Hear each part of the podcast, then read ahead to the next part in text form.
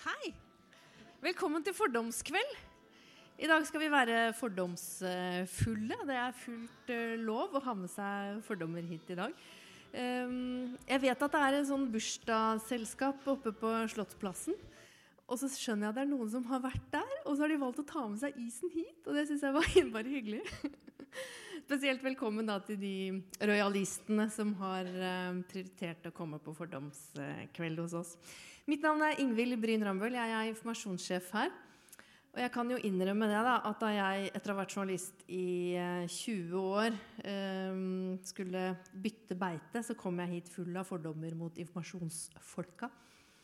Så jeg har også måttet eh, bryne meg litt på mine fordommer. Og det er det som er så fint, at noen ganger så må man endre syn når man møter virkeligheten. Og det er jo noe av det vi prøver å få til her på Nobels fredssenter. At vi presenterer folk for fakta og ekte mennesker med ekte erfaringer og ekte følelser. Og da kan det hende at uh, noen av de fordommene som dere har, eller som andre som kommer hit, har, de blir de kvitt. da. Det er kanskje det vi ønsker oss, at vi skal bli kvitt noen av fordommene. Eller i hvert fall tørre å, å snakke om dem. Vi har et uh, spennende panel som skal få lov å sitte her ved kjøkkenbordet. Eh, og etterpå, når vi er ferdige her på scenen, så kan dere som eh, sitter i salen, få lov å diskutere med panelet der borte i fordomsbaren vår. Eh, så dere må ikke gå når vi slutter av på scenen her. Og så har vi ikke bare en fordomsbar, men vi har også et fordomsbarometer som vi skal legge fram uh, her senere i dag. Ipsos har undersøkt nordmenns holdninger til innvandrere og flyktninger. og Det skal vi også få vite litt mer om. Jeg skal takke noen flere om mens jeg er i gang. Unesco får støtte til eh, Fordomsbarn, og Fritt Ord får støtte til det arrangementet her. Og så skal jeg takke alle de folka som har vært innom oss og skrevet ned fordommene sine på alle de små lappene som dere ser står på hyllene bak der. sånn. Vi har eh, brukt opp 1800 ølbrikker på to måneder. Og det er da folk som kommer inn og øh, skriver ned fordommer de har, eller fordommer de har øh, blitt møtt med. Så det engasjerer. Og dere kan vise engasjement. Dere kan bruke Twitter. Eh, hashtaggen er biasbar. Det står der. Så bare vær med underveis.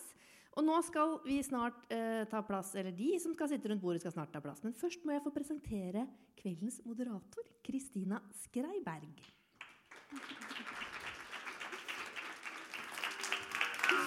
Kristina er best kjent kanskje for prosjektet Hei nabo. Fordi um, du bodde i en blokk på Tøyen. Og så bodde du sammen med folk av uh, ulik slag. Og så hadde du kanskje noen fordommer som du selv ble oppmerksom på. Kan ikke du fortelle bitte litt om uh, det prosjektet? Ja. Eh, jeg flyttet da inn i denne blokken med i hvert fall 100 forskjellige leiligheter. Eh, hvor alle bodde i helt like leiligheter. Og der var det folk fra Norges langstrakte land og folk fra hele verden representert på ett lite sted. Og så funket ikke alt som det skulle i denne blokka på Tøyen. Altså det var liksom eh, litt sånn sjuskete, og folk slang søpla si eh, nesten overalt. Og jeg flyttet dit og trodde at jeg var sånn superåpent menneske, fordomsfri. Og så kjente jeg at her begynner jeg å tenke mitt om alle naboene mine. Eh, hvem er det som fester hele natta, og hvem er det som dealer dop? Eh, og hvem eh, kaster søpla si utenfor her? Og så kjente jeg at her må jeg bare gjøre noe. Og eh, banket på døren til alle naboene og spurte om jeg kunne få komme på besøk og bli litt kjent med dem. da syntes vel de at du var litt gæren, eller? Garantert. De trodde jeg var helt ko-ko, og jeg eh, var det. Jeg var helt sånn besatt av disse naboene i seks år, så drev jeg banket på dørene og inviterte meg selv på besøk.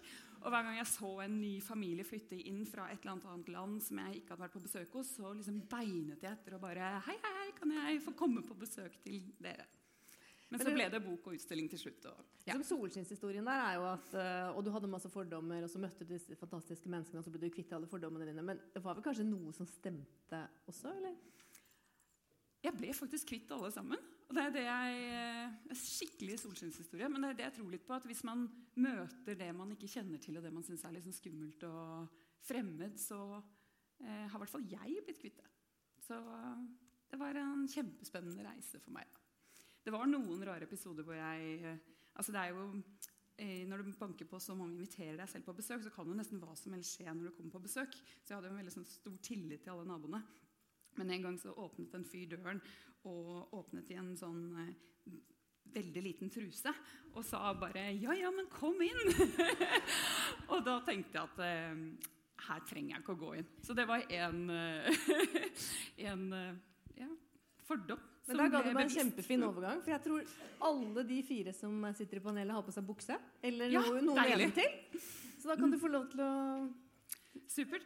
sparke i gang. Vær så god. Ja, så hyggelig. Jeg har jo invitert meg selv på besøk til så mange og sittet rundt eh, massevis av kjøkkenbord. Så nå er det veldig hyggelig at jeg kan invitere et lite panel til eh, mitt kjøkkenbord. Så da skal vi se. Vi skal ha fire spennende folk som skal sitte her og spise boller og drikke te. Og de har masse fordommer. Noman Mubashir, vær så snill, kom opp til meg. Han er født på Lørenskog. Ta plass der. Pakistanske foreldre, eh, kjent som NRK-programleder og ikke minst eh, Norges best kledde mann mange ganger. Joakim Skage han har dere allerede møtt. Eh, Singel, bor på 35 kvadratmeter, skallet, eh, tatoveringer, gullenke òg? Nei. Jeg har ikke det ennå, men det står på lista. Og opptatt av eh, rasister. Ja. Katrine Sandnes, eh, født i eh, Sør-Korea. Er journalist, redaktør og forfatter og 13 ganger norgesmester i karate. Eh, Sumaya Jirde Ali Velkommen. Eh, født i Somalia, bor i Bodø. Har reist hele veien fra Bodø for å komme hit bare for i kveld. Eh, kom til Norge som seksåring, og du er 19 år og er veldig engasjert i eh, debatten for tiden. Skriver masse i Aftenposten og ja, en engasjert stemme. Og det her er litt uh, deilig, altså, fordi man snakker jo ikke om fordommene sine så mye. og Her kan vi ha litt sånn terapeutisk eh, session. Um, og jeg lurer på sånn, Først er det Har dere noen ganger liksom tråkket i salaten med en fordom? Hvor dere har sagt noe hvor dere har kjent at Oi, det her eh, det burde jeg ikke ha sagt. Altså, etter å ha hørt deg, så føler jeg meg bare helt sånn utrolig fordomsfri. så etter, etter, å ha hørt deg, tenkte jeg nei, jeg har ingen fordommer, jeg, faktisk. ja, men Da er mitt oppdrag utført. Da. Det er veldig bra. Gratulerer, altså. For du er vel her for at vi skal føle oss som gode mennesker? eller? Antageligvis. Jeg representerer den onde hvite mann. Ja. Og det er jo sånn han ser ut. Så 30 kilo til her nå, så er vi i boks, tenker jeg. Ja, altså, man tråkka salaten. Eh, man har jo alltid man, Jeg har dumma meg selvfølgelig, men det er jo sånne småting eh, egentlig, som f.eks. at jeg har vært med McDonald's, og så har jeg snakket engelsk til noen som jobber der. Som jeg tenker ikke er norsk kan ikke kan norsk. Og så svarer de på engelsk, og så snakker de norsk med de andre ansatte. Så blir jeg sånn, ok. og så neste gang så snakker de norsk, og så kan de ikke norsk. Og så blir jeg, du kan ikke vinne det. Og du går mye på Mækkern? Ja, jeg må jo, det, jo, det hører til rasistprofilen. ja, ja, ja. vet, jeg var kjemperedd for menn som så ut som deg da jeg var liten. Og akkurat det du sa. ikke sant? At eh, Jeg trodde alle menn som var barbert på hodet, den gangen var nynazister. Eh, eller så var det kanskje militære eller var svømmere. Så husker jeg Hver gang jeg så en mann som da var skinna, så ble jeg livredd og løp en annen vei. fordi jeg trodde han skulle drepe meg ikke sant? eller ta meg, fordi han var jo slem. Um, men, så kom, men, så kom, Bruce Willis. Altså, det som er litt sånn rart, er at det, på 80, ja, men det er sant, Da jeg var liten, så var liksom det, man skinna seg ikke. fordi det var liksom, Da var du nynazist. Men da Bruce Willis kom og gjorde det, og da David Beckham gjorde det, og plutselig halve Norge begynte å gjøre det, så var det greit. Så det er liksom dumt, for det er litt vanskelig å se om noen er nynazist eller er bare kul Bruce Willis. Vanskelig å sette dem i bås eller kategorisere. Ja. Men liksom, du kan jo være nynazist og ha kreft. Ja, herregud. Hva gjør man da, liksom? Ja, det lurer jeg på. Hvor mye sympati får du da for at du har kreft? Da, da skriver du 'skinhead' på panna. Ja, ok. Og så går du med sånn liten lue og Tatoveringer. Henger på Radiumhospitalet. Men dere, hvis man har, eh, ser ut som dere, da, som er litt sånn mørkere, mørkere enn oss Er det, er det greit å spørre folk sånn når man møter folk for første gang Hei, hvor, hvor er du fra? Eller er det, er det ras, rasistisk? Mm, jeg vil si altså, Det er veldig bra at folk er nysgjerrig, og jeg syns det er positivt at når folk kommer Hvis folk er nysgjerrige, så kan de gjerne spørre, men hvis jeg for eksempel, eh, Jeg har en venninne som ofte blir spurt hvor er du fra. Altså, de fleste blir jo det. Og hun er, hun er, hun har fra pakistanske foreldre, uh, så da ser hun utenlandsk ut. Da, men hun er født i Bærum. Så når hun blir spurt uh, hvor er du fra, og hun svarer Bærum, så spør man igjen hvor er du fra. Uh, og igjen og igjen. Så jeg tror ikke det er negativt at folk er nysgjerrige og at folk spør, men jeg tror folk må lære seg å ta det svaret de får, og ikke på en måte forvente at de, deres inngrodde fordommer skal bli bekreftet. At man skal liksom Helt til man sier ja, jeg er fra Pakistan eller jeg er fra det landet foreldrene mine er fra, at de, da- skal de liksom si aha, ok, ja, nå er jeg fornøyd, liksom.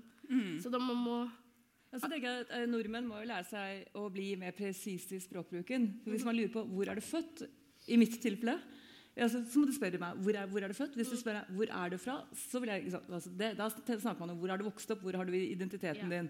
Så spør de, men det er litt vanskeligere med, med venninnen din. Da må man heller spørre hvor er foreldrene dine fra.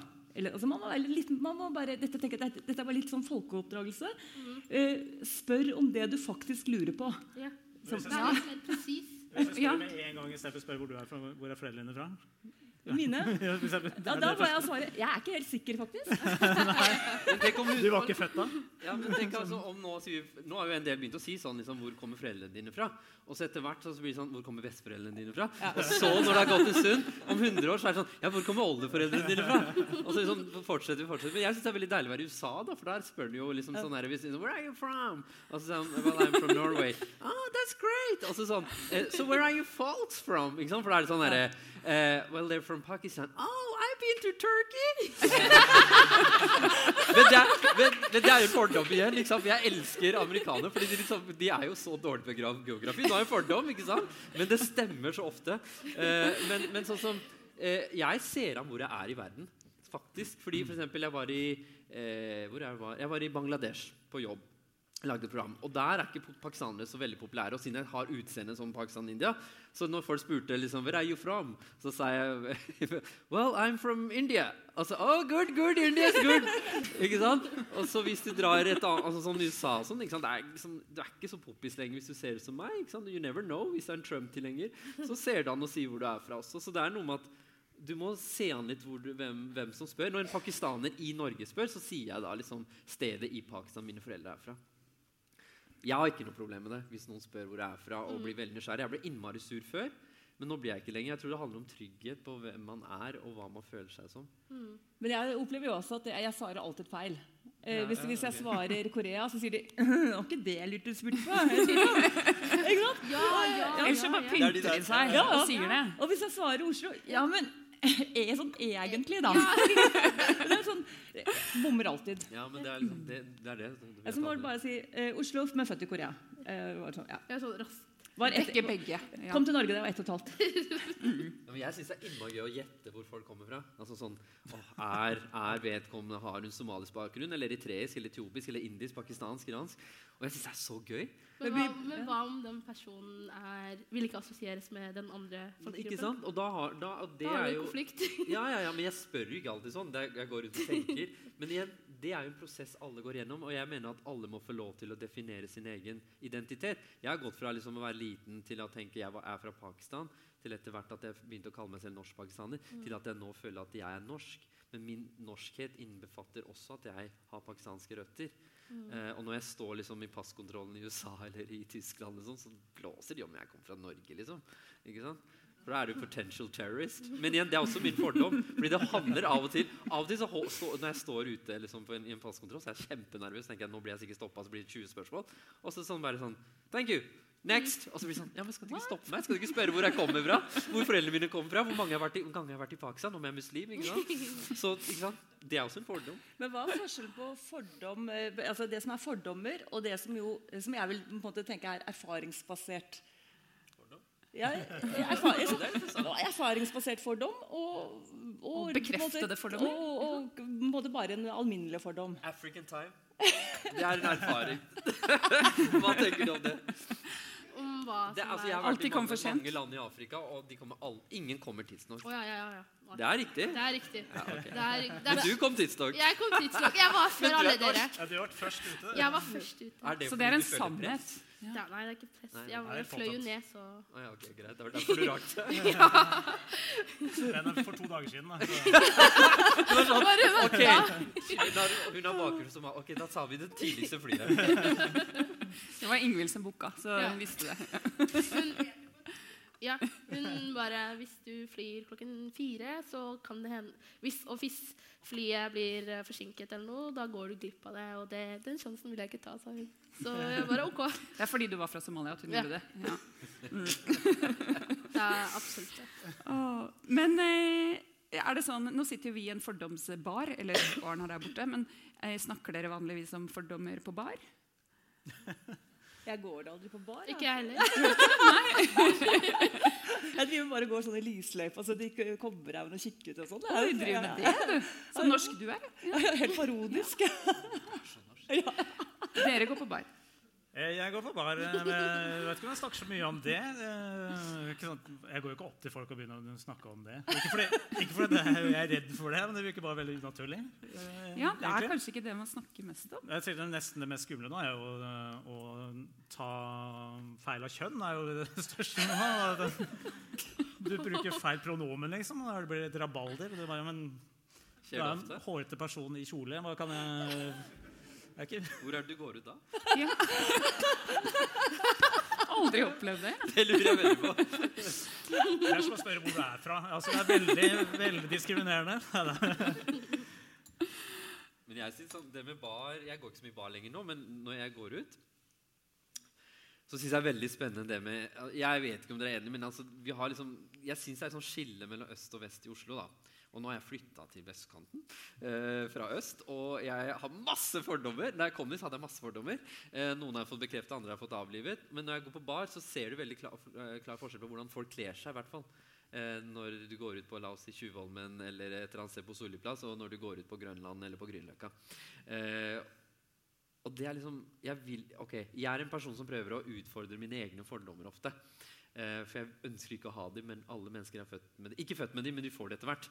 Og da, men det er, det er litt interessant, for ofte så stemmer de fordommene. Altså hvordan vi kler oss, og hvordan vi ter oss. Men du Eh, er jo Norges best kledde mann, så du passer ikke sant? Jeg er fra. Lørenskog, og vi er jo ikke akkurat kjent for å være sånn Så velkledde. du måtte flytte til vestkanten.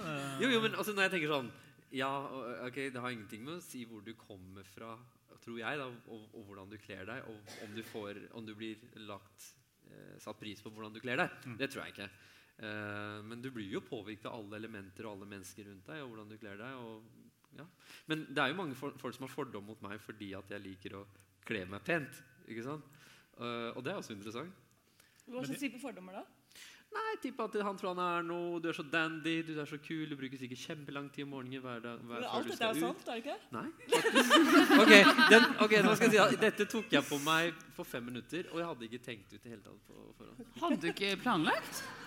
Nei.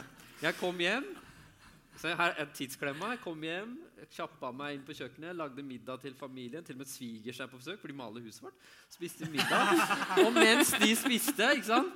Høres ut som en sånn, sånn underdanig pakistansk hustru. vet du. Og så løp jeg ned, og så var det på Så bare så jeg inn i kle- klesskapet og tenkte shit, hva skal jeg hva skal jeg? Og så må du tenke to minutter. ikke sant? Og så tenkte jeg nei, jeg går for den der dressen og den skjorta, og så ut. Så det var heldig, Men jeg kan stå kjempelenge. og så på, men, men jeg tror folk har en del fordommer folk som kler seg veldig fint. Eh, Og du får, du får Ok, det, ingen, ingen sier til folk 'du kler deg stygt' eller 'du kler deg tjuskete'. Men kler du deg pen, så er det sånn 'what's your problem'? Men det er litt som Norge. Det er faktisk ikke helt sant. Derfor har jeg lyst til å altså. bo i Italia. Ja. Ja, det er faktisk ikke helt sant. For jeg, blir, jeg får veldig ofte høre at uh, treningstøy passer ikke til, til alt. Ja, det er sånn da. Men du har ikke på treningstøy Jeg der? har på joggesko. Ja, ja. Ja, ja, men det er sånn inn nå, da. Så da er det greit. Ja, ja. Jeg ser at det der er en treningsgenser, for eksempel. Har jeg fått høre. Men husk, alt dette er veldig inn nå. Men da møter jo folk dere med fordommene sine. da. Altså, det, er jo ikke, det er jo noe man ofte liksom bare går og tenker, men her faktisk sier disse menneskene det rett ut til dere. Jeg får jo ofte høre at du er så tynn', eller 'du er så slank', eller 'du har blitt så tynnere'. Og så tenker jeg at Ingen går bort til noen og sier 'Å, du har blitt tjukkere'. Det tør vi ikke. Men å si til en person som er slank 'Så tynn du har blitt', det er veldig vanlig. Og det lurer jeg på hvorfor vi er sånn. Men jeg skjønner at du har det veldig tøft. da. Du blir fordom du møter, at du er velkledd. eh, Slank. Er det forferdelig? At du kommer deg ut, eh, er jo et mysterium. Kjente du ut på det? Sånn. Jeg, jeg Ilandsproblemer, ja. Ja, ilandsproblemer, ja. Er sant. Apropos Somalia.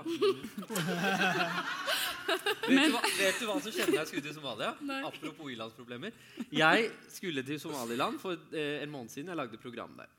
Og når vi skal lage program i det landet, så må vi eh, forberede oss og prøve å finne en guide, fikser-type, som kan hjelpe oss der nede med alt som skal fikses før man drar på en så stor tur da, med NRK. Og så til slutt så ble jeg tipsa om en person som da skulle hjelpe oss der nede, som var en journalist.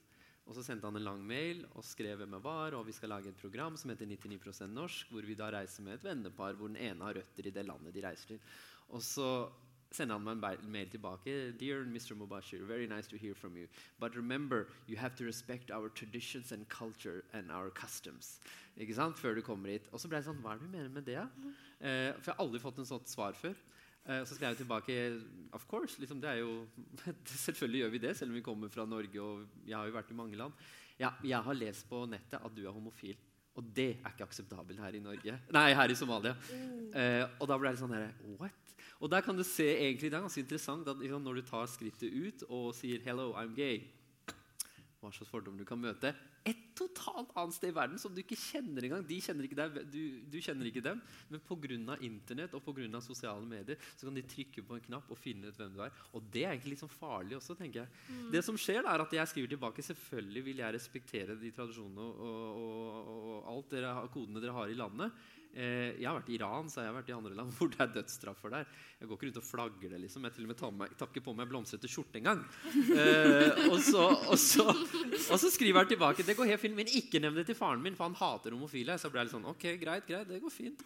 Eh, og så går det en uke, så skulle han svare meg på spørsmål. Fikk jeg aldri svar. Og så sendte jeg mail igjen. Svarte ikke. Sendte mail igjen, svarte ikke. Han ville ikke jobbe med Så nå, er, nå mener ikke jeg da at alle i Somaliland Alle har- somaliere. er sånn. Men det er litt sånn interessant ikke sant? i forhold til Ilans problemer versus Han skulle ha vært der. Han skulle vært her, Han skulle vært her, ja. Men, Ja. men, men, Vi tar den på et sånt telefon. Men min telefon. fordom hos så velkledde menn som deg, det er jo at de er homo. Ja, ja, ja. Så det det- stemmer. Og da er spørsmålet eh, Nei, det nei, men- altså. Er det en fordom, eller er det Ja, sannhet? delvis, delvis. Fordi jeg har jo mange venner som ikke er så veldig opptatt av hvordan de kler seg og hva de har på seg, og er homofile. Oh, ja, det godt gå Eh, den veien. jeg, jeg reiser Men jeg har ingen ve veldig velkledde menn som eh, venner som er eh, mannlige venner. Jeg kjenner jeg har mange gode wow. venner som er, er veldig Så- velkledd, men jeg tror som, nok som er hetero? Ja, det er det. Ja. Men samtidig Se, se på han, for eksempel. Hetero. Men det er ikke venner! Ikke. Jeg tror du kan kle deg. Jo, det er litt sånn der, ja, nei, men det er delvis sant. Men jeg, for eksempel, jeg har en, eh, en eh, kollega som jeg reiser med på alle disse turene. Og han også er homofil, men han er så mye mer i skapet. da Så han pleier å si til meg eh, 'Jeg er en homo som ikke funker'. Fordi han ikke er noe opptatt av hvordan han ser ut på håret. Og liksom, en gang så kom han med badebukse på en restaurant i Ramanda, og da ble jeg sånn 'Oh my god, det der kan du ikke gå med', liksom. Ja, det var ikke sånn sprangende flashy. Nei, nei, nei. Den var veldig kjedelig. Det var sånn Pappa hetero-short. Kjip Men er, det, er, er ikke det mer en stereotyp enn en fordom? For at man tenker jo ofte at alle homofile er feminine også. Det er ikke sant heller. Yeah. Det er masse menn som det er, Men det er, de du ikke ser, det er jo akkurat som man sier at alle lesbiske er maskuline. Eh, men alle de som da er feminine, de ser du ikke. Fordi de går, blander seg inn i mengden. Og sånn er det med homofile menn òg. De som på en måte er veldig streite i looken, nå, hva nå enn det er. Stereotypen, ikke at de Ja. eksisterer jo. Men- ja. Du ser dem ikke. Nei, Ja, for nei. nå Sånn skal jeg spørre. sant? Du er jo ikke sant, du har, på, du er i hijab, ikke sant? Ja. Og det fører igjen til at mange da tenker det og det og det og det og Mm. dem der. Ikke sant? Masse merkelapper. Selvfølgelig, jeg, altså, jeg vet at ikke alle homofile er feminine, men jeg tenker sånn uh, Den fordommen man har De har feminine er homofile. Hæ? Nei, nei, nei, nei, altså, Feminine menn er alle, alle homofile. Ja, ikke sant? Ja, men det, det var det egentlig det. Ja, nei, glem det. Det- Jeg skjønte ingenting. Men jeg lu, lu, vet ikke om jeg avbrøt deg nå. Eh, dette burde man kanskje vite, men hva er forskjellen mellom stereotypier og fordommer? Ja, hva er det? Mm, Ja, vi vet ikke. Vi vet ikke. Hva sier leksikon, da? Hva sier publikum? Ask eh, the audience. Ja, spør publikum. Nei. Men, Men men kan jeg spørre, spørre for, altså, for Når man ser deg, så har, er det sånn to, for, to utel, fordommer som utelukker hverandre gjensidig. vil jeg tro. Det ene er liksom, uh, afrikansk, veldig god til å danse. Uh, har hijab, uh, får ikke lov til å danse. Hva skal vi gjøre? Så da er spørsmålet Er du god til å danse?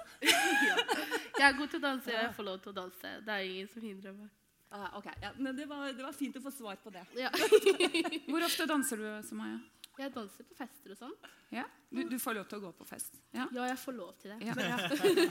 Men er det en fordom du ofte blir møtt med, det at du er god til å danse? Nei. Ah, er det sant? Var det på 80-tallet? Jo, jo, altså jeg blir møtt med at altså, alle er sånn Å, Samaya, du kan twerke. Fordi at du er afrikaner, og du er svart. Uh, og det er sånn, Twerke, det er noe sånn Når du rister på rumpa. Riste på rumpa. Ja. Mm. Ja. Du kan ikke? Du kan ikke twerke? Jo, men herregud, jeg vil ikke jeg, vil, Ja. jeg kan det, men jeg vil jo ikke bli møtt med Hva om jeg ikke kunne det? Og så måtte man prestere, liksom. At du ikke Ja. Hvilken rett har de til å ha den fordommen? Ja, da føler man at man ikke strekker til. ja. Det er jo ikke bra. Men du er jo bor i Nord-Norge. Mhm. Eh, det hører vi jo ikke, for du er her så ofte at du bare legger om. Mm. Eh, Jeg er altfor integrert. veldig integrert. Ja, men Det er faktisk et problem. Det merker jeg med, med Jo, men med mat får, Det er for mye integrert nå. fordi når jeg går på indisk restaurant og bestiller sterk, så er det mildt som har det. Hva faen som har skjedd her? Jeg vil ha ordentlig indisk sterk. Ja, For de tror ikke at du kan spise sterk Sykehusmenn mat. Det er derfor. Ja. Det er sant. Det er du som bestiller. Jeg ville aldri Eller tenkt at du tålte indisk med sterk mat. Ja, hva sa du? Eller så har du blitt vant med det. Ja, jeg- Det som pleide å være sterk før, du har på en måte Så er det min, min feil? Nei, det, er jeg ikke. Assimilert. Nei, det aksepterer jeg ikke. Det er Men har du noen fordommer mot oss her i, på Østlandet, liksom? I mm, storbyen? mm, Ja, altså man tenker jo at dere er sosser hele gjengen. Sosser? Ja, sosser. Sånn Porsche. Porsche? Ja. Ja, ja. Og så tenker de fleste at eh, no, altså østlendinger de hever seg over alle andre. Tror, seg, tror at de er bedre enn alle andre. Uh, og det har jo det med at man har jo på en måte i lang tid undertrykket eh, nordlendinger og sånt. da. Eh, men eh, jeg har ikke tenkt sånn Det er et dere. historisk faktum. Ja, det, så det er, jo, det, er jo, det er jo helt riktig. Og så tror, jeg- tror, jeg- tror jeg også det bunner litt i sånn sjalusi, for at alt skjer her. Så er, det- man er litt sånn arg. Sånn, faen, ta de østlendingene. østlendingene. De, har, de får liksom Det har jeg faktisk begynt å tenke. For at når jeg begynte å øh, på en måte skrive i aviser og sånt, så var det sånn at da var det viktig å Når jeg eksempel var på trykk, så ville jeg jo selvfølgelig lese avisen eller kjøpe den da. Um, men på, i butikkene, når jeg dro til butikkene, så var det sånn Nei, har, avisen har ikke kommet ennå, for den har ikke de har ikke på en måte Det kommer med skip eller det kommer med båt. Jeg vet, ikke, jeg vet ikke hva det kommer med. Men det, det har ikke kommet ennå, så kom tilbake. Og så kommer jeg tilbake sånn Ja, kom tilbake i morgen. Det har ennå ikke kommet. Og da er det sånn Hvor har du bodd av Svalbard? Jeg bor i Bodø i Nordland, men eh, det er fortsatt tregt der òg. Og det er litt irriterende at alt er så sentrert her i Oslo. eh, og da kan man lett ta det utover østlendinger. Tar det utover oss, ja? At Ja, ikke tar det kommer utover dit? dere. Mm. Ja. Jo, men det møter jo det. Altså, jeg gjør standup uh, rundt omkring i landet. og det er, det er jo steder du kommer hvor uh, den skepsisen til folk fra Oslo Så du må nesten si 'beklager at du er fra Oslo', og så kan man begynne å tulle. Spesielt Stavanger er veldig sånn. Der de føler at uh, olje, oljepengene er deres, og vi i Oslo tar de. Ja. Så når du kommer opp dit, så er det litt sånn der Ok, nå kommer han fra Østlandet. Så du må, sånn, Først må du si unnskyld, og så kan du gå videre. Så de betaler ikke deg de når du kommer og gjør show? Nei, de gjør egentlig ikke det. De vil bare straffe meg. Men vi, eller jeg tenker at nordlendinger er så liksom rause og jo, joviale og liksom greie folk. De Er er det det. flere som tenker det? Ja. Ja, ja, min beste venn er fra Mosjøen, og han er liksom sånn han, altså han, er, altså han er liksom den store nord, nordlending-klisjeen. Han snakker høyt, han snakker mye. Han har ma forteller masse grove vitser. Og så er han veldig raus og gjestfri og åpen. Og, Det er litt som en somalier, ja, ja, egentlig. ja, ja. Man Kanskje ikke Men han synger ikke katt, da. og så er han veldig Han sånn naver ikke. Nei, han naver ikke. Nei. Og så elsker han sånn der å være kontakt, snakke med mennesker osv. Så, videre. Så han, jeg pleier, han sier at 'jeg er ikke norsk, jeg er spanjol'. Liksom. Han ser veldig mørk ut. Og så jeg har alltid sagt at det må være en spanjol bakover i tid. i familien din. Men, jeg har, jeg, men det er positive fordommer. Det har vi ikke snakka om. Det fins Ja, jo positive fordommer og post, eh, negative fordommer. Og jeg syns, det jeg syns jo Jeg vet ikke, men jeg klikker veldig godt med nordlendinger. Så jeg tror egentlig alle nordlendinger tilbake til var pakistanere. Ja, ikke homofile. Ja, jeg likte ikke Ja, helt sikkert. Jeg likte ikke at du antydet at jeg spiste katt, da. Så jeg vet ikke om vi klikker så godt. Nei, det tror jeg ikke. Nei, men, men jeg var jo, da jeg var i Somaliland, så var jo det var, veldig, det var så gøy å se. For liksom, Der var det bare sånn fem bunter, liksom, og så bare la de under armen. Så bare gikk de bortover gata. Tenkte jeg så mye styr her i Norge. Jeg må liksom smugle det inn i kofferter, under trailere. Så blir det tatt inn, mellommann, inn, ut, inn, ut. Og så til slutt kan du tigge, liksom. Der var det bare fritt frem. liksom. Ja, jeg var i Somalia i, eh, i 2015. Det var første gang jeg hadde vært der siden jeg hadde flytta. Eh, I 2005. Så det var sånn første gang på ti år. Um, og da, var, da ble det solgt på markedet. Det var sånn masse bunter på, på sånn matter. Eh, og jeg var sånn Når jeg gikk opp til dem, bare Du, det er narkotika. Altså. Det, er- det, er sånn, det er drugs. Og de bare Og så? det er sånn? OK. Så, så det er så normalt. De bare Ja, altså Men de vil ikke at du skal filme det. Så de vet at dette er et problem. Sånn, Jeg har ikke prøvd å filme det. Så Nei, vi prøvde, og da var det sånn Nei, nei, nei, nei glem det. Men det var sånn liksom det var sånn Så de er liksom kinakål, sommersalat og så katt ved siden av hverandre. ja, Sånn frukt, og så katt. Neida. Men, men igjen, da. En positiv fordom da, som jeg fikk i Somaliland, var at jeg har møtt så mange eh, sterke kvinner. Altså sånne kvinner som jeg liksom fikk veldig respekt for. Fordi jeg i hodet mitt da har hatt en fordom at de fleste somaliske kvinner jeg møter i Norge eller i andre land, de er litt sjenerte, litt sånn tilbaketrukne. Men de jeg møtte der, var mye mer sånn frampå og turte å si hva de mente, og tok sin plass. Og tanta til han gutten vi møtte der nede, liksom, hun fiksa restauranten. Hun pruta ned prisene, hun som hun var sjefen i huset. Og det synes jeg var bra for meg, fordi jeg vil gjerne liksom avlive en del av de fordommene jeg har. Fordi at jeg tror, ikke, jeg, tror, jeg tror det er viktig, da. For man får noen fordommer hver dag, tror jeg. Og så må man jobbe med de hele tida. Men positiv fordom? Ja. Hva, det har jeg aldri hørt. Nei, men hva tenker du om det, da? Jeg vet ikke, Det er kanskje positivt for deg, men kanskje det ikke er positivt for den, den som på en måte du har fordom mot. da. Ikke sant? Så da er det så positivt, egentlig. Nei, ikke sant? Det er ikke sikkert det. Sånn som du sier at homofile er så velkledde. på en måte. Nei, det var ikke det jeg sa. Sa? Kanskje det er negativt for deg? Ja. De velkledde mennene er homofile. Ikke, men det fins for all del, altså. Det fins mange dårlig kledde homofile.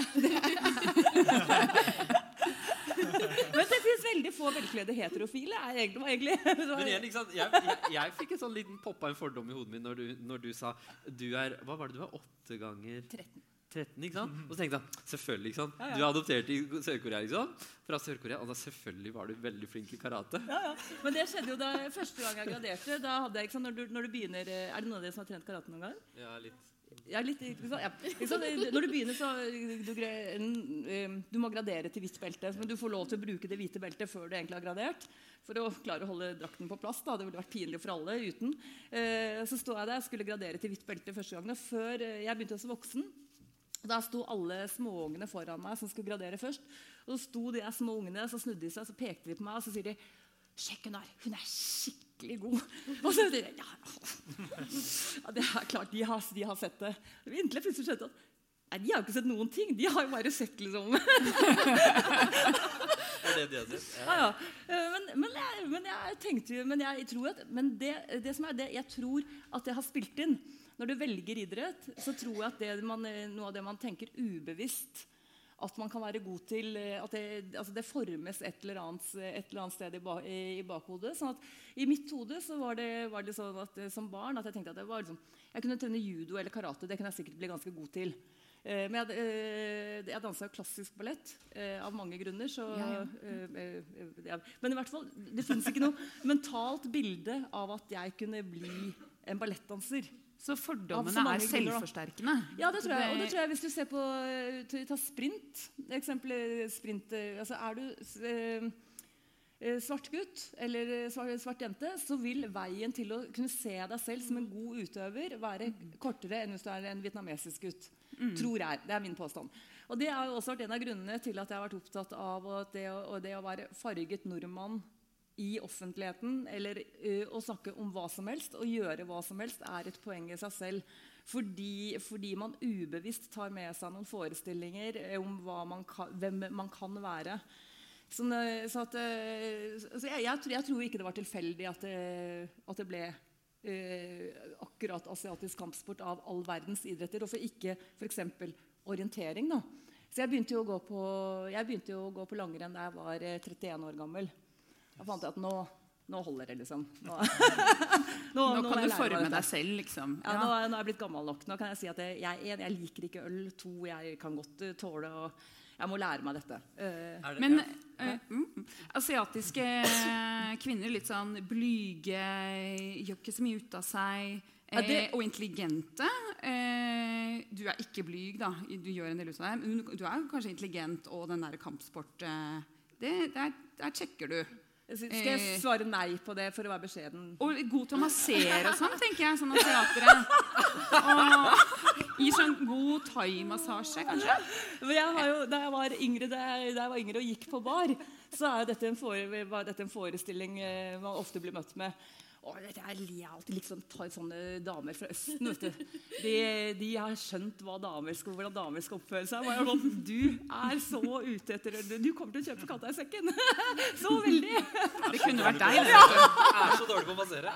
Ja, men det var sånn, nei, det var en helt sånn klar eh, Og særlig eh, da jeg var sånn eh, 20 eh, og møtte menn, ganske voksne menn som hadde vært på sjøen og kjente til sånne damer som meg. Det var, eh, derfor, det var, mye, det var eh, mange forestillinger om uh, asiatiske damer som jeg tenkte at dette det, det, kommer til å gå deg dårlig. Uh, i, sånn, forestillingen om underdanig, lydig, taus eh, eh, Submissiv. Ja, eh, eh, ikke minst veldig sånn god til å gi omsorg og stelle litt hjemme og sånn. Det Fly leis. Jeg sjekka ikke ut på noen av disse. Ingen fly faktisk. men eh, Nei, så Men eh, så er det også en idé om at asiatiske kvinner eh, er eh, vakre, mens asiatiske menn ikke er det. Så jeg har opplevd at noen av mine altså, eh, ikke, ikke den delen av Asia du er fra. Den delen av Asia jeg er fra. Dere er vakre begge to. Og dette, dette, dette opplevde jeg da at mine eh, koreanske kompiser, altså de, mine venner som er adoptert fra Korea, som er gutter, de var veldig nedtrykt over at de, de var sjanseløse eh, på, på markedet, fordi de ble ikke oppfattet som, som attraktive. Men jeg tror det har endret seg litt, faktisk. Men det er veldig interessant, det du sier. For det, det tror jeg er veldig sånn gjengs oppfatning. Du ser jo aldri eh, hvite kvinner som reiser ned til eh, Thailand og for å finne en Vietnam, eh, Thail thailandsmann. De reiser til Gambia Ja, men De reiser til Gambia fordi gambiske menn eller svarte menn er så flotte. og løper raskt Og løper raskt. atletiske. Ja. Ja. Og er veldig flinke til å tverke. Twerke. Jo, det er interessant? For det er ingen, Jeg har aldri hørt om en hvit kvinne fra Norge som er reisende til Bangkok og funnet seg en thailandsmann. Nei, ikke Nei. Nei. Aldri. nei, nei, altså dette, Det er verdt en reportasje. Altså, Det er det. Men Ja, dere, men, men jeg synes det er litt så interessant med at det er liksom noen fordommer som går på land, ulike land eh, og verdensdeler, og så er det noe som, eh, på kjønn som, eh, som slår ut litt, litt ulikt. Og jeg tenkte som altså Hele den eh, diskusjonen om muslimer i, Norge i dag, så er det jo så er det som et sånt offer, eh, eh, offerberetninger om jentene. eh, med, eh, og på en måte et sånt overgripsnarrativ om, om guttene. Mens hvis man ser på statistikken, så ser man at det ser jo faktisk ut til å gå bedre med ganske mange av jentene. Mens veldig mange av guttene sliter med ganske store problemer. Som man egentlig burde ha, burde ha, eh, ha møtt mye, veldig mye mer konstruktivt enn det, enn det jeg opplever at man gjør i dag. Da, med, altså, eh, hele drop-out-problematikken eksempelvis. Jeg tenker at Dette kommer til å bli et kjempeproblem. Men jeg tror, jeg føler liksom at de to er knyttet opp mot hverandre. Fordi når man tenker at alle muslimske jenter er undertrykt, så hyller man dem opp. Man tar dem, man liksom hever dem opp, og så trykker man ned mennene og guttene fordi man tenker at de er uh, undertrykkerne, eh, mens de kvinnene blir undertrykt. Og da, gjør, da jekker man jo ned mennene. Man ber dem om å sette seg på plass, mens kvinnen Du kan ta all plass. Liksom. Du, verden er din. Du ta, altså, Sett deg ned. Du, du, er en undertrykker. Du fortjener ikke noe godt, osv. Og, så og liksom, Jeg føler de er knyttet mot hverandre, i hvert fall. At den ene påvirker den andre. For da får du jenter som blir hyllet opp, jenter som tar høyere utdanning, som eh, faktisk satser på skole osv. Eh, mens guttene bare dropper ut for de føler ikke at samfunnet eh, anerkjenner dem på lik linje som det de eh, tenker de fortjener. Da. Og det er litt med det at den fordommen blir selvoppfyllende. Mm. Eh, men eh, vi skal bare ta en bitte liten pause. Altså, vi skal sitte her og vi skal snakke litt mer om dette etterpå. Vi kunne snakket i eh, timevis. Men eh, apropos det om det, det, vi tror vi er, i forhold til vi, hvordan vi faktisk er, skal vi få høre litt om. Fordi vi har fått laget et fordomsbarometer. Fikk med dere det? Eh, og det eh, Forsker Kristin Rogge Pran fra Ipsos skal komme og fortelle i noen minutter om eh, nordmenns holdninger til innvandring. Hva vi faktisk tenker om det. Eh, for det har de eh, sett litt på. Og jeg gikk rett, Velkommen opp, Kristin. Jeg gikk rett forbi Kristin i sted fordi jeg tenkte hun liksom kommer fra Ipsos. Litt sånn tørr, briller, knute i nakken. Og så, så så er hun den eh, rypa, eller hva? Ja. Vær så god. Takk. Ja, eh, Vi har gjennomført en undersøkelse om nordmenns holdninger til eh, innvandrere. Eh, for tredje gang, faktisk. Vi har gjort den én gang i året de siste tre årene. Og det er veldig fint. for første gang i februar 2015. Eh, så gjentok vi den i 2016, og nå for tredje gang i 2017. Og det betyr at vi gjorde den rett før flyktningkrisen, når vi var midt oppe i flyktningkrisen, og nå eh, eh, etterpå. Så det er ganske interessant å se på hvordan holdningene endrer seg. Jeg har bare noen få minutter, så dette blir en veldig rask eh, gjennomgang på noen av de viktigste tingene. Først eh, innvandring. Eh, over halvparten av nordmenn svarer at de syns innvandring i hovedsak er bra for Norge. 53% sier det er bra i år. I fjor var det noe færre. Vi ser på resultatet generelt at folk var positive, ganske positive i 2015, litt mindre positive i fjor når vi sto midt oppe i flyktningkrisen, og så er det mer positive nå. Eh, men altså over halvparten sier det er bra, bare 16 sier det er dårlig, eh, og resten er på sånn verken-eller. Eh, og så spør vi om folk mener vi burde få flere eller færre flyktninger.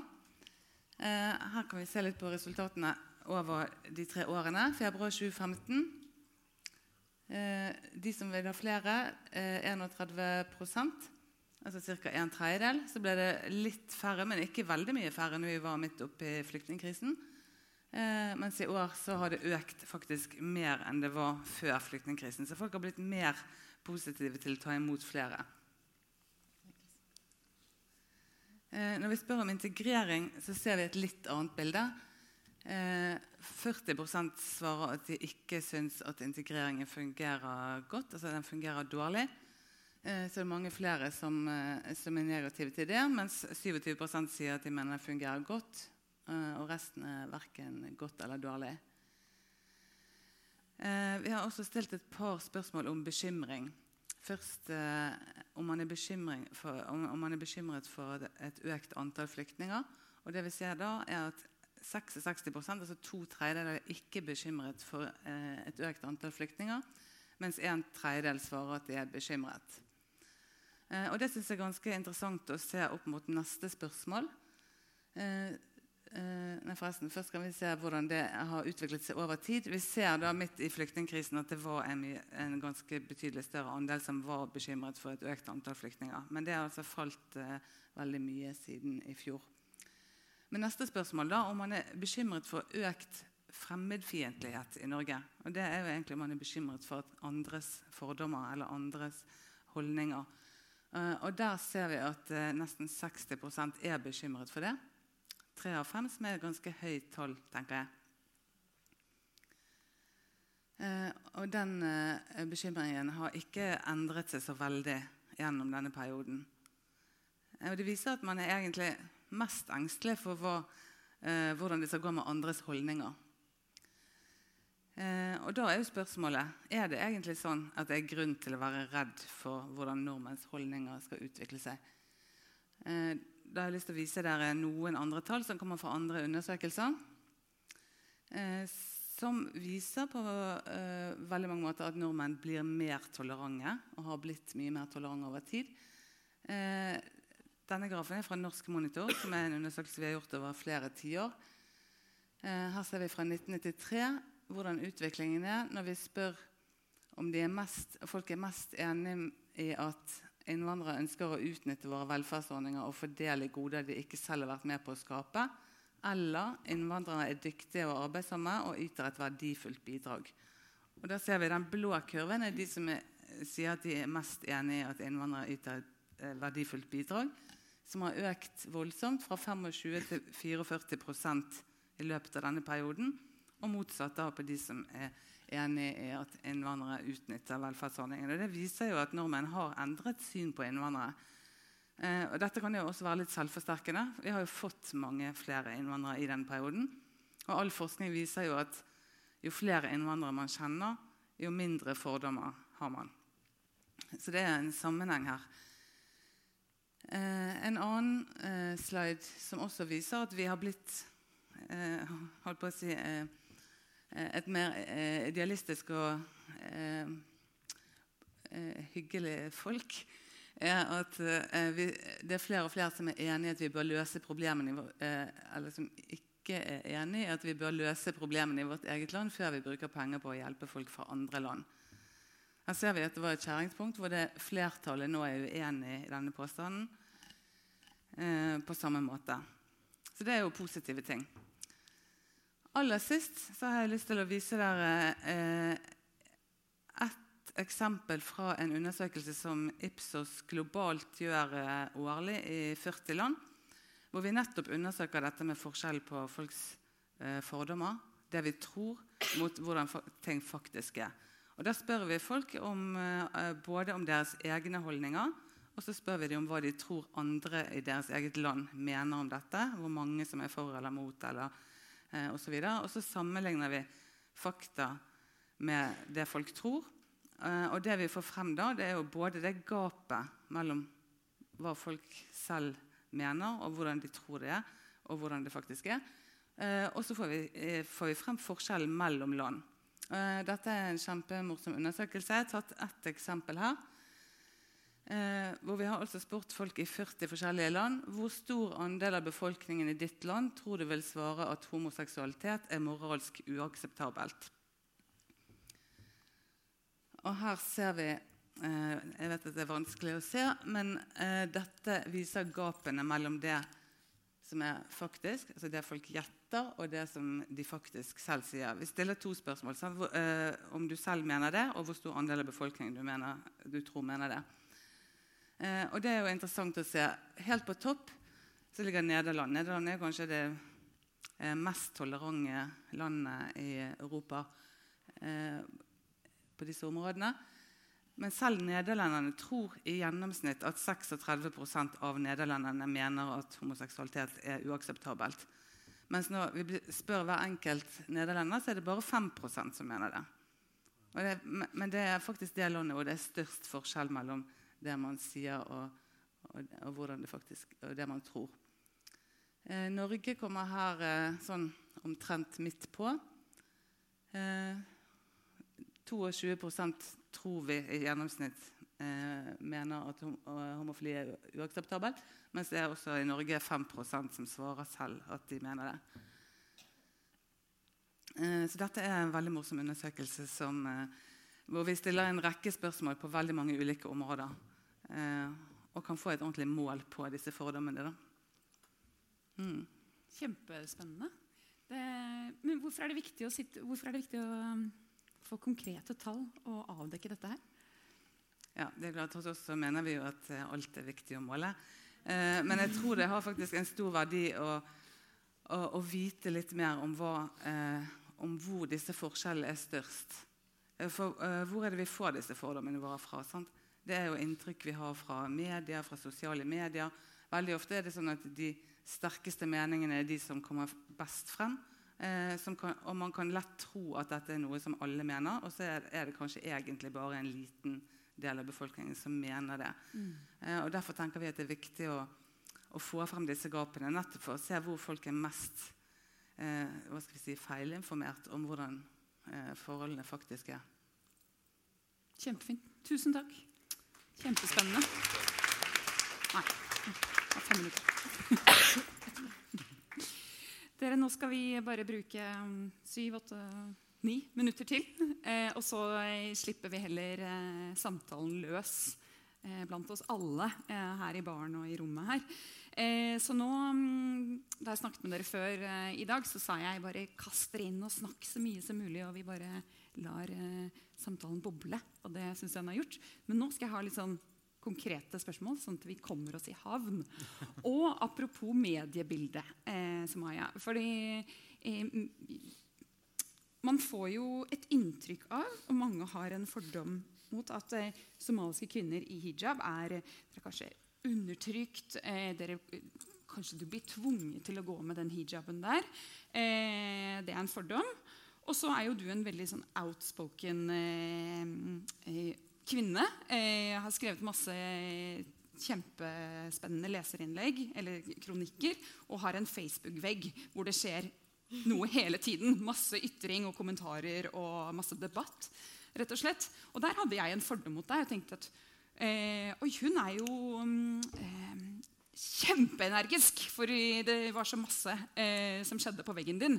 Og litt sånn høylytt. Og så var du ikke sånn i det hele tatt. Så jeg hadde et sånt motsigende fordomsbilde av deg. Men eh, hvordan resonnerer det å være så um, utadvendt, holdt jeg på å si, med din, uh, med din hijab? Mener du liksom Møter, møter du den fordommen? At du er litt sånn passiv stille, litt som Katrine? ja, altså, Passiv? Nei, altså jeg blir Som asiatiske kvinner? Ja. Jeg blir jo ofte møtt med den eh, undertrykte fordommen. Da, at folk tror at jeg er undertrykt, at jeg ikke får lov til å uh, reise osv. Når folk bare ser at jeg holder f.eks. på 8. mars så holdt jeg et foredrag i Kristiansand, og da var det veldig mange som kom opp til meg og bare jeg visste ikke at uh, kvinner som deg fikk lov til å reise. Og det var sånn Ja, nei, men nå vet du det, liksom. um, og jeg er veldig åpen. Jeg, jeg mener liksom at alle har fordommer, så jeg skal ikke fortelle deg Nei, du, du kan ikke få tro sånt, for jeg har jo sjøl fordommer uh, som jeg jobber med. Uh, men det er jo veldig slitsomt at du får på en måte komplimenter som egentlig er syrlige, som egentlig Som er sånn Å, jeg, jeg syns det er så flott at du ta uttal, altså at du er engasjert og er i offentligheten. fordi at eh, kvinner som deg er jo egentlig ikke sånn. Eller når du får vite sånn du er, du er så flink til å snakke norsk til å være somalisk. Sånne komplimenter som egentlig ikke er komplimenter, men som på en måte det, komplementerer deg, men det rakker ned på en hel folkegruppe eller en hel eh, religion. Altså, jeg visste ikke at eh, muslimer kunne være så liberale eller så åpne når du på en måte ikke reagerer på at venninnen din har på seg en topp som viser hele brystet, mens din eh, ikke-religiøse venninne prøver å på en måte få henne til å skamme seg over det. Så kommer jeg og bare en, og så blir jeg spurt sånn så jeg, Hva tenker du om det? Altså, burde, hun burde dekke seg til. Og det er sånn Jeg bryr meg ikke. Eh, det er hennes valg. Hvorfor skal jeg blande meg inn i det? Og det er sånn Herregud, det er jo du som må være sånn. ikke sant? Det er du som dekker deg til. Det er du som er den religiøse. Det er du som burde be henne om å dekke seg til. Det er sånn, Nei, jeg ber ingen om å dekke seg til. Og jeg tror det er også en fordom som er knyttet opp mot at jeg bruker hijab. Uh, fordi at man tenker at jenter som bruker hijab, vil at alle andre skal gjøre det. At alle andre muslimske jenter skal dekke seg til. Og det vil jeg ikke. Jeg vil at alle skal gjøre det de sjøl vil. Min aller nærmeste venninne bruker ikke hijab. Jeg driter i det, liksom. Men jeg hadde jo fordom som jeg ikke visste om at jeg hadde. Og det er det som er så veldig Uh, på en måte artig med fordommer. Du er ikke klar over dem før du møter den gruppen du har fordom mot. Uh, så når min nåværende bestevenninne begynte i klassen min i 10. klasse uh, da, jeg husker Det var en jente i klassen min som var spesielt interessert i henne. Hun sånn, eh, tok henne imot, og alle snakka med henne osv. Og, og så hørte jeg på samtalen Jeg satt med noen andre, og så hørte jeg på samtalen at uh, de andre ble sånn Hæ, er du muslim? Uh, og jeg bare jeg snudde meg. ikke sant? Jeg bare, Hvem er muslim? Og, for var, Jeg var den eneste muslimske jenta i klassen min i 20 år. Eneste svarte jenta. Så jeg, jeg var liksom uh, the ugly black sheep liksom, i så mange år. Og så ser jeg noe som, er, som, har, som jeg har noe, felles, noe til felles med. Uh, og så ser jeg at det er en jente som ikke bruker hijab. Og jeg bare Hæ? Er du muslim? Uh, for jeg har vokst opp i et miljø, et somalisk miljø hvor alle dekte seg til. Hvor normen var uh, Er du muslim, så brukte du hijab. Er du muslim, så bruk, altså, du tildekte deg. Du var tilslørt. Og, så, og, så, møter du en jente som ikke bruker det, og som sier at hun er muslim. Og så er det sånn Å, kan man være muslim på den måten? Det var, liksom, det var veldig interessant. Og var, det var veldig forvirrende, for jeg gikk i 10. klasse, og så var det sånn at Vennene mine de brukte det mot meg. Det var sånn, Sumaya, du har alltid sagt at uh, alle kvinner skal bruke hijab. Hvorfor gjør ikke hun det? I stedet for å gå og spørre henne om ting som gjaldt henne, så kom man til meg, og man brukte det på en måte for å konfrontere meg. Du var ikke med på leirskolen. Hun var med på leirskolen på sin, i sin skole. Så du hadde rett når det ikke gjaldt religion. altså Det var ikke pga. religion at jeg ikke ble med. Og jeg skjønner, ja, det, ja det, var, det var ikke noe med religion å gjøre. og det er sånn, men hvorfor ble ikke du med? Herregud, hun er jo med. Altså, det var sånn, De sammenligna oss hele tiden. Da vi var to helt forskjellige individer. Uh, men man tenkte at siden vi hadde samme religion, så skulle vi være identiske. Og det er jo mm. sånn man ofte tenker i uh, samfunnsdebatten, at alle muslimer er homogene. Er sånn. Ja. Ja, er sånn, vi er én en mm. enhet. Vi har liksom én leder, en som taler for oss, osv. Og, så og det er jo ikke sant i det hele tatt. Uh, så det var, sånn, det var veldig konflikt altså, jeg visste ikke at jeg hadde en fordom. Nå ble jeg møtt med det. Jeg ble på en måte stilt i veggen. Så hadde jeg alle disse vennene. Og jeg, jeg er en sånn person som er snill med alle, venn med alle. Så hver dag så ble jeg spurt hvorfor bruker du ikke hijab. Uh, liksom, hvorfor gjør du det? Hvorfor gjør hun ikke det? Så jeg ble sånn konstant angrepet. Så det var veldig vanskelig. Den fordommen den endra faktisk måten jeg tenker på livet sånn totalt. Men det var veldig vanskelig tid, for at jeg, det gikk så inn på meg. Um, og så ble jeg venn med henne. da. Uh, hun er jo min nåværende bestevenninne. så selvfølgelig ble jeg venn med henne. Vi klikka så godt. Jeg lærte at man kan være muslim altså på sin egen måte. Man kan være muslim på egne premisser. Man må ikke bruke hijab uh, hvis man ikke vil. Og hun ville ikke bruke hijab der og da. for Hun, skulle, hun, tenkte, hun ville bruke det. Ingen i familien hennes, altså søsknene hennes brukte det ikke. Bare moren hennes brukte det. Uh, men hun skulle begynne å bruke det når hun sluttet på uh, å spille håndball. da. Hun mente at det krasjet Uh, og jeg var sånn, ok, ikke sant? Og jeg dømte henne aldri for det. Jeg hadde jo fordommer før jeg møtte henne. Så, men når du blir kjær i noen, så kan jo ikke du uh, kritisere dem. Du, altså, du liker det som gjør dem til dem. Uh, men jeg husker litt av misnøyen jeg hadde for at folk på en måte angrep meg. Det tok jeg på en måte ut mot henne ved at jeg sa Når folk spurte meg så hvorfor bruker du ikke hijab, så sa jeg til dem hun skal bruke det snart. For det var jo det hun sa til meg. Uh, jeg, skal, jeg, skal, begynne snart. Når jeg slutter på håndball, så skal jeg begynne med det. Og da sa jeg det til folk. Slapp av, hun skal begynne med det snart. Sånn som hun manglet noe. Uh, og når jeg tenker på, tilbake på det i dag, så er, det skammer jo meg. Og vi har jo snakka masse om det. Um, du skammer deg for at du unnskyldte henne? Ja, ja at, sånn, at, jeg på en måte tenkte sånn. Ja. Jo, mm. jeg sier jo at hun ikke er muslim da. Mm. Hun, jeg sier jo indirekte at hun ikke er god nok muslim hvis hun ikke bruker hijab. Uh, når jeg på en måte beroliger mine egne venner og forteller mm. dem slapp av, liksom, hun skal gjøre det, jeg har fått vite det, hun sa det i går. og bla, bla.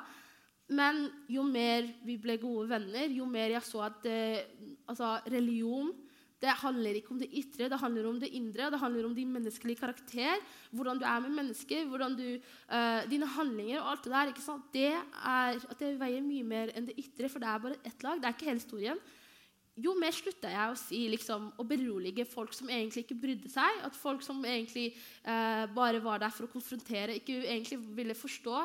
Så da slutta jeg å si det totalt. For du kan ikke på en måte, samtidig som du er venn med noen, samtidig som du liker noen Og jeg fortalte jo henne om alt dette når folk konfronterte meg osv. Men jeg følte at jeg sviktet henne når jeg sa liksom, 'slapp av, hun skal gjøre det snart'. Da var det sånn, Jeg slutta med det. jeg bare hun skal, hun At man ikke, ikke, kan skamme seg liksom, ja, over den som ja. Jeg bare, Hun slutta Nei, hun, hun, bruker det ikke, for hun vil ikke det. Mm. Ferdig med saken. Kjempebra, Maja. Kjempespennende. Eh, det er sikkert mange som kommer til å spørre enda, enda mer.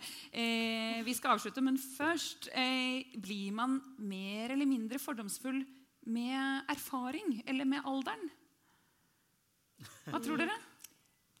Jeg tenker at jeg blir eh, mer altså jeg, jeg føler ikke at jeg blir mer fordomsfull, men jeg føler at jeg blir eh, Jeg skjønner raskere hvor skapet står. Nei, jeg bare tulla. Men altså, men altså, jeg synes jeg, det, det, var grunnen til at jeg stilte dette spørsmålet i sted om eh, hva er erfaringsbasert, og hva er faktiske fordommer. For jeg tenker Som barn så er det sånn Verden er fantastisk. Alle mennesker er dødsspennende. Alt er kjempeinteressant. Og så er det sånn Nei. Nei, kjedelig, kjedelig, kjedelig. Been there, done that. Uh, Jeg kan ikke bruke tid på det. Jeg kan ikke altså, sortere, ikke sant? Så, så jeg tenker at jeg, jeg føler på en måte at jeg lukker flere dører jo eldre, jo eldre jeg blir. Da. Eh, at man liksom jeg, var, ja, altså jeg kjenner jo at jeg er blitt så gammel at jeg er blitt mye mindre nysgjerrig. Eh, og i den utvelgelsen så tenker jeg at det er vel sannsynligvis da eh, Jeg vil si erfaringsbasert, men det kan jo også være fordomsbasert. Altså, man, man, kategoriserer ting eh, ganske raskt. Man tenker at eh, ja, ja, det er sånn, og det er sånn, og sånn ser verden ut. Og så velger man den veien, eh, den jeg tror veien jeg der. bare innskrenker liksom interesseområdet ditt. Og så blir, og så, jeg tenker sånn med, med alder altså Jeg på mine foreldre som nå er oppe i 60-årene. Ja, nå er jeg Ikke min veldig- alder, for så vidt, da, men eh, Ja, ok. ja, men jeg merker på de at eh, de, de som blir litt mer bekymra. Det har med, med etnisitet eller hva enn det er for noe, men det er sånn mer bekymring. Skepsis? Ja, men det, så blir det mer, mindre relevant i samfunnet, for de holder ikke helt tempen på hva som foregår. Man, liksom, man blir i sin egen lille sfære. da. Så at det er fort gjort, eh, bare tenker også med, med, Som jeg leste med indiske familier i USA, som da eh, bygger sin egen liten inklusiv eh, sted hvor de, hvor de bor de siste årene sine, som er bare indiske familier som bor. Altså Man søker til det som er kjent. på en måte da. Så jeg tror det bare det er fort gjort og man, Når man klager over ungdom, så er det sånn, for du, du kjenner ikke den kulturen lenger. på en måte, Du er blitt voksen. Og så sier man ja, de, de er kjipe, eller hva enn det er for noe. Og så glemmer man liksom sin altså, ja, Man begynner å mimre heller om den tiden man var relevant, enn at man holder tempo. Holder seg relevant? Ja, jeg tror det. Så det er litt det å være litt nysgjerrig, være den typen, engasjere seg i, i nye ting hele tiden. Ja. Så når man- går all inclusive, det er jo da sånn eh, Er du interessert i å gå på ski, eller er du ikke? Hvis du ikke er interessert i å gå på ski, så har, ja, men da er det ikke så mye å snakke om, da. så, sånn er det der jeg bor. Ja, ikke sant? Jeg, jeg tenker på en ting. Um, det, siden vi snakker så mye om hijab, da. Um, eh, mine bonusbarn de har gått på en barnehage hvor jeg henta dem, hvor det var tre kvinner som brukte hijab. Av kanskje åtte. Og jeg husker en gang jeg spurte Du, hva, hva heter hun eh, å, Hva heter hun igjen? Hun som bruker sånn eh, skaut på hodet. Hvem da? Altså, hun, altså, hun, er den som bruker sånne veldig sånn fine, fargerike skaut på hodet. Hun skjønte ikke spørsmålet. Ikke sant? Hvorfor? Fordi at for dem var det liksom Det var De så det var, kanskje de så ikke hijaben. ikke sant? De trodde sånn verden er.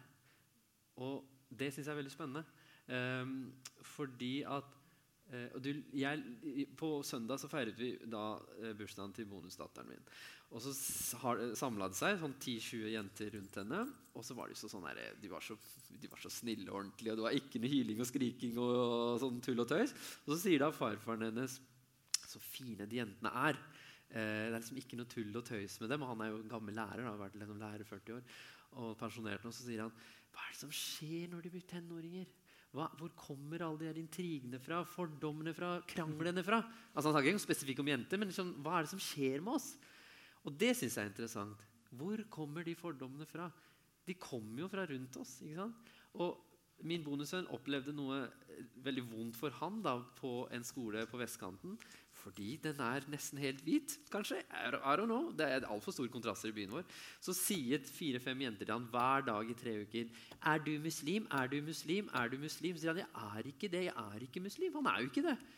Jo, men du er mørk i huden, så du må være muslim. Ja, men er ikke det jeg er kristen? Det er du ikke. Jeg tror ikke noe på det. Og så Han blir mer og mer fortvila, og så til slutt så sier han ja, og vet du hva? Muslimer, de er dumme. Og dette er da åtteåringer. Og da, Jeg ble rasende holdt på å kjøre ned en grøft. Han fortalte meg det på vei hjem fra skolen. Og liksom, å, nå, dette skal vi ta på skolen, og dette skal vi ta med eh. Og det gjorde vi, og sånn, og så har det roa seg ned fordi de har snakka ut om dette her.